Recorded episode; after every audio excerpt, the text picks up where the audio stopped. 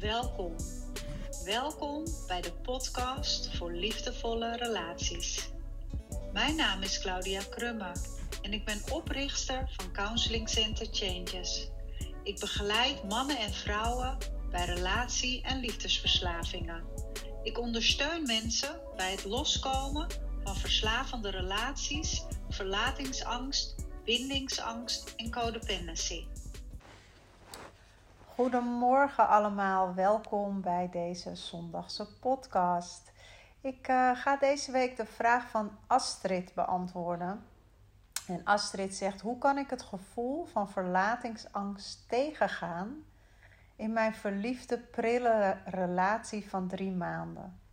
Ik probeer mezelf er tegen te verzetten door positief te denken, maar herken het heftige gevoel wat het met me doet. Hopelijk heb je een fijne tip voor me. Ja, Astrid, het eerste wat bij me opkomt als ik je vraag lees, is van um, ieder gevoel of iedere gedachte waartegen je je probeert te verzetten, is eigenlijk gedoemd om te mislukken.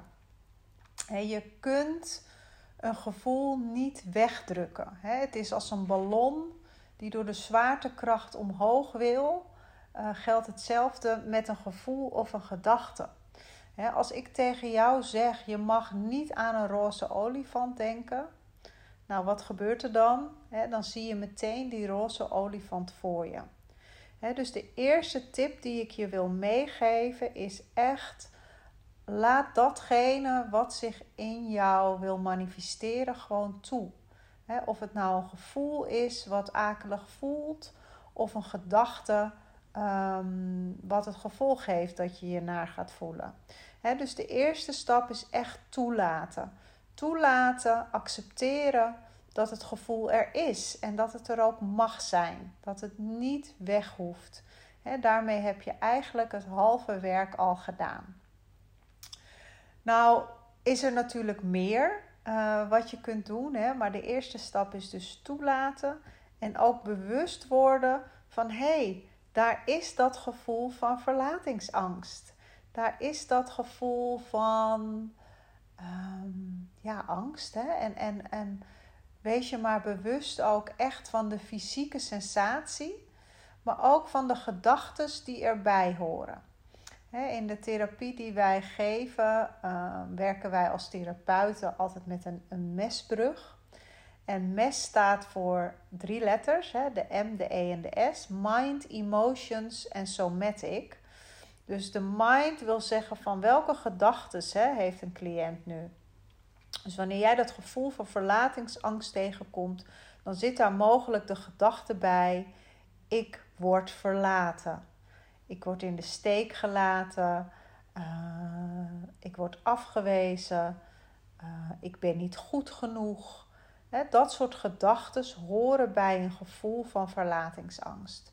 Dus daar kun je je bewust van zijn. Van welke gedachten denk ik nu?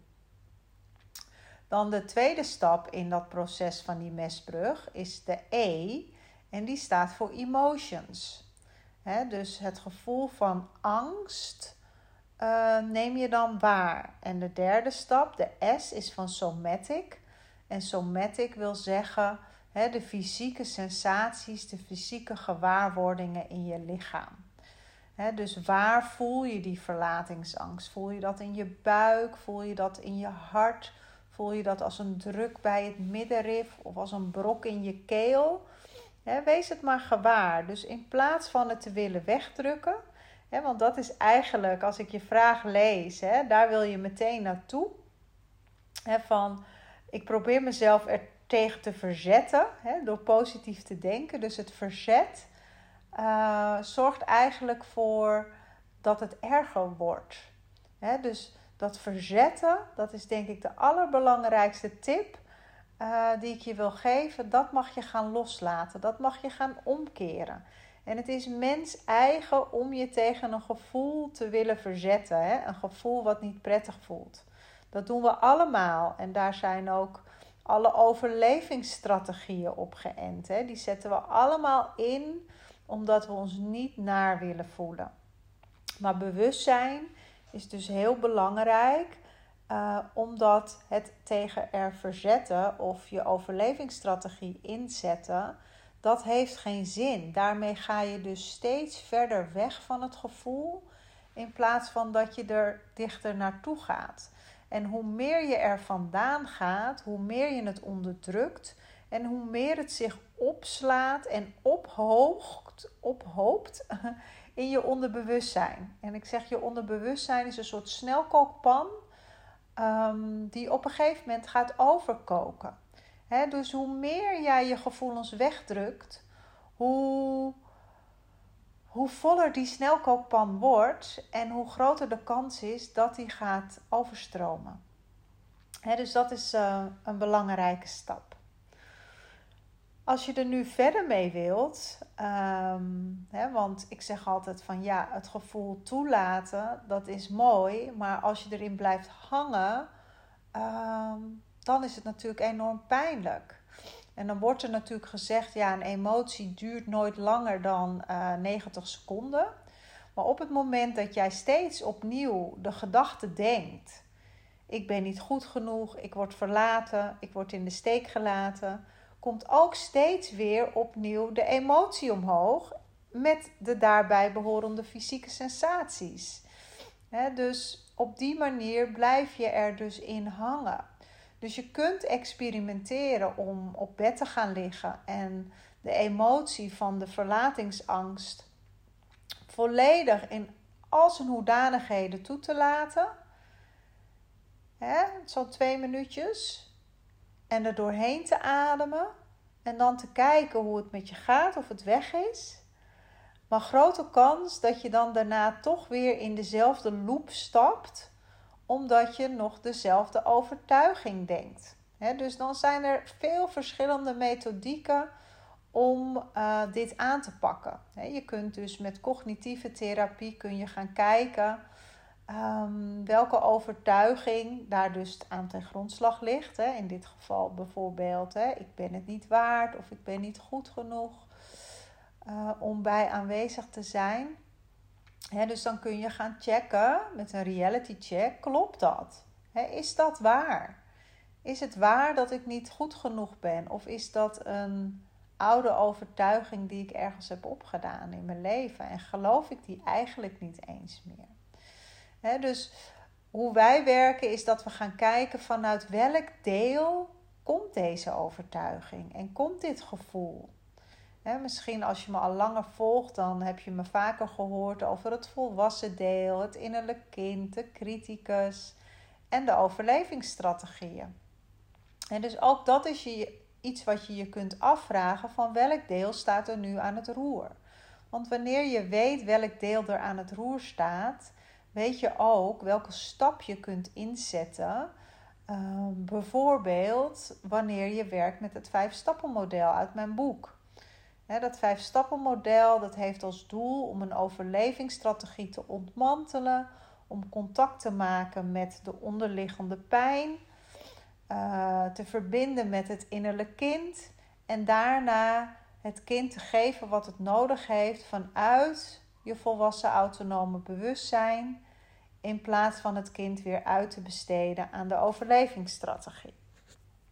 Dus dat klinkt zo heel ingewikkeld en het is ook niet makkelijk omdat je vaak dus vastzit in de verstrikking en het niet herkent, maar je volledig identificeert met zo'n gevoel. dat maakt het ingewikkeld.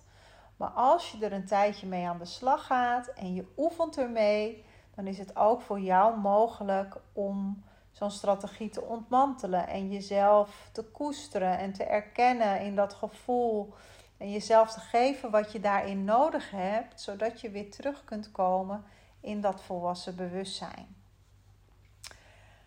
Dus er zijn meerdere manieren. Hè. Wij werken natuurlijk ook met uh, het verbonden ademen. Hè. Op het moment dat je in een ademsessie de sessie ingaat met een intentie: ik ben waardevol, ik ben goed genoeg, ik ben verbonden met mezelf. Ehm, ik ben in contact met de ander. Er wordt van mij gehouden. Noem maar op. Hè. Iets waar jouw verlangen ligt.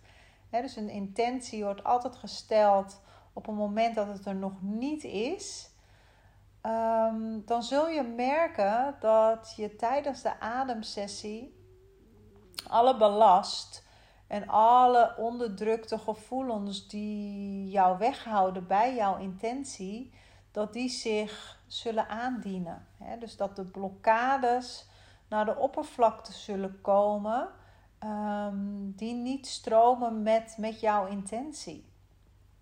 En uh, aan het einde van de sessie zul je dus een hele andere ervaring en een hele andere kijk hebben op uh, datgene waar jij tegenaan loopt. En dat kun je dus op cognitief niveau of in een gesprek met een vriendin of met een coach, kun je dat niet op die manier transformeren als hoe de adem dat doet.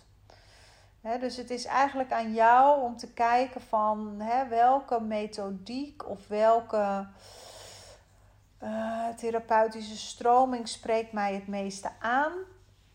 En ik zeg altijd: het een is niet beter dan het ander. Het ligt er alleen aan waar jij bent in jouw proces. Ehm, en zorg dat je ze allemaal met elkaar integreert. dus dat je en op de laag van de cognitie werkt, en op de laag van de emotie, en op het stukje lichaamsgericht. want juist de integratie van de verschillende uh, delen van jezelf zorgt ervoor Ehm, dat het echt transformeert en dat de hardnekkigheid zich echt kan oplossen. Want anders popt het gewoon weer op een andere laag op. En weet ook uh, dat het niet weg hoeft, maar dat ieder gevoel van verlating eigenlijk weer een uitnodiging of een kans is om jouw zelfliefde te verdiepen dus op het moment dat je er op die manier naar kunt kijken, hoeft het ook niet meer weg. En natuurlijk zou je het liefst willen dat het nooit meer terugkomt. Ehm, maar met de juiste tools, en dan heb ik het dus inderdaad over bijvoorbeeld um, de cognitieve therapie of werken met Byron Katie om die cognities te veranderen, of het emotionele innerlijk kindwerk of het delenwerk of het verbonden ademen. Dat zorgt ervoor dat je op alle verschillende lagen zorgt voor transformatie. Even kijken of ik alles heb gezegd wat ik hierover wil zeggen. Ja, dus het is aan jou om te kiezen van waar ga ik de stap zetten. En de belangrijkste tip is, die herhaal ik nog één keer, is het toelaten van het gevoel. Stop met je er tegen te verzetten, want daarmee raak je dus verder verwijderd van de oplossing ehm, dan wanneer je het toelaat. Goed, Astrid en ieder ander die hier iets aan heeft gehad. Uh, bedankt voor het luisteren en tot, uh, tot een volgend moment. Super bedankt voor het luisteren naar deze aflevering. Heb je iets gehad aan deze podcast? En denk je dat het ook waardevol voor een ander kan zijn? Deel het dan gerust op social media of aan iemand persoonlijk, op WhatsApp of op Messenger. Op deze manier draag ook jij een steentje bij aan mijn missie. Het is mijn missie om zoveel mogelijk mensen te ondersteunen bij het helen van trauma en oude wonden, zodat iedereen een gezonde relatie met zichzelf kan ontwikkelen en van daaruit ook met anderen. En heb je nou het gevoel dat je meer nodig hebt dan alleen luisteren naar mijn podcast? Neem dan een kijkje op een van mijn websites en onderzoek welke vorm van ondersteuning het beste bij jou past. En kom je er alleen niet uit? Stuur ons dan een mail, dan kijken we graag met je mee.